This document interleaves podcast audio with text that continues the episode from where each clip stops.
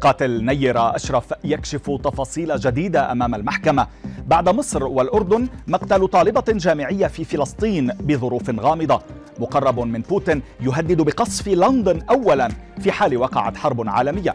أبرز أخبار الساعات الأربع والعشرين الماضية في دقيقتين على العربية بودكاست. في أولى جلسات محاكمة قاتل نيرة أشرف والمعروفة إعلاميا بفتاة المنصورة اتهم القاتل ضحية بأنها كانت قد هددته بالقتل مشيرا إلى أنه كان ينفق عليها بعدما اشتكت له من معاملة أسرتها السيئة. لها. محمد عادل المتهم بذبح زميلته أمام جامعة المنصورة قال إن نيره هددته بإرسال أشخاص للاعتداء عليه في حال طلب منها استعادة ما أنفقه عليها مضيفا أنه حاول الحديث معها مجددا لحل وتسوية الخلافات بينهما لكنها صدته وطالبته بالابتعاد. كما اتهم عادل والدة نيره بالتسبب في كل تلك المشكلات والأزمات بينهما. فيما لا يزال الملايين مصدومين من واقعة مقتل الطالبتين نيرة أشرف في مصر وإيمان رشيد في الأردن. ضجت مواقع التواصل بتفاصيل جريمة قتل أخرى لكن في فلسطين هذه المرة حيث تضاربت الأنباء حول سبب مقتل الفتاة رنين السلعوس بمنطقة نابلس شمال الضفة الغربية بعد العثور عليها جثة هامدة في منزلها. وفيما أعلنت عائلتها أنها انتحرت قال ناشطون إن رنين قتلت على يد شقيقها ووالدتها وذلك لرفضها فسخ خطبتها من ابن عمها والزواج من ابن خالها بينما أعلنت الشرطة الفلسطينية أن التحقيقات لا تزال مستمرة لمعرفة سبب الوفاة. من جديد عادت قضية التشهير بين جوني داب وأمبر هيرد إلى الأضواء بعدما قدم الفريق القانوني لأمبر هيرد مقترحا للاستئناف ضد الحكم الذي صدر بحقها في هذه القضية.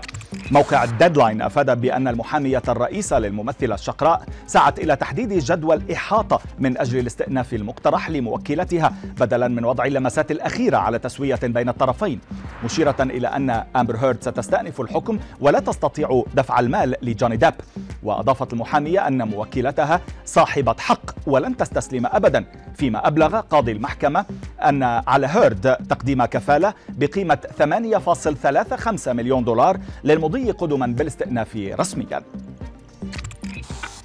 إلى روسيا هذه المرة حيث قال أحد الحلفاء المقربين من الرئيس الروسي فلاديمير بوتين إن لندن ستكون الهدف الاستراتيجي الأول الذي سيقصف بالصواريخ الروسية في حال اندلاع حرب عالمية ثالثة. وفي تصريحات للتلفزيون الروسي أوضح النائب في لجنة الدفاع في موسكو أندري غوروليوف أن بلاده ستدمر الأقمار الصناعية الفضائية التابعة لحلف الناتو خلال العملية الجوية الأولى. ثم ستبدأ في تعطيل نظام الدفاع المضاد للصواريخ بأكمله في كل مكان وبنسبة 100% وأشار غوروليوف في حديثه إلى أن لندن ستكون هدف موسكو الأول قائلا إن التهديد للعالم يأتي من الإنجليز على حد تعبيره. وفي خبرنا الأخير حذرت صحيفة اقتصادية تابعة للحزب الشيوعي الصيني من أن البيتكوين في طريقها لأن تساوي نحو صفر بعد تعرضها إلى جانب العملات المشفرة الأخرى لانهيار ضخم بقيمة تريليوني دولار منذ بداية العام الحالي.